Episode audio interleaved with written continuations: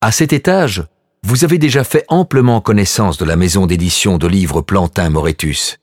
Mais dès sa création par Christophe Plantin, la maison imprime aussi des lois, des ordonnances, des pamphlets, etc., de rapides imprimés de circonstances diffusés en quantité.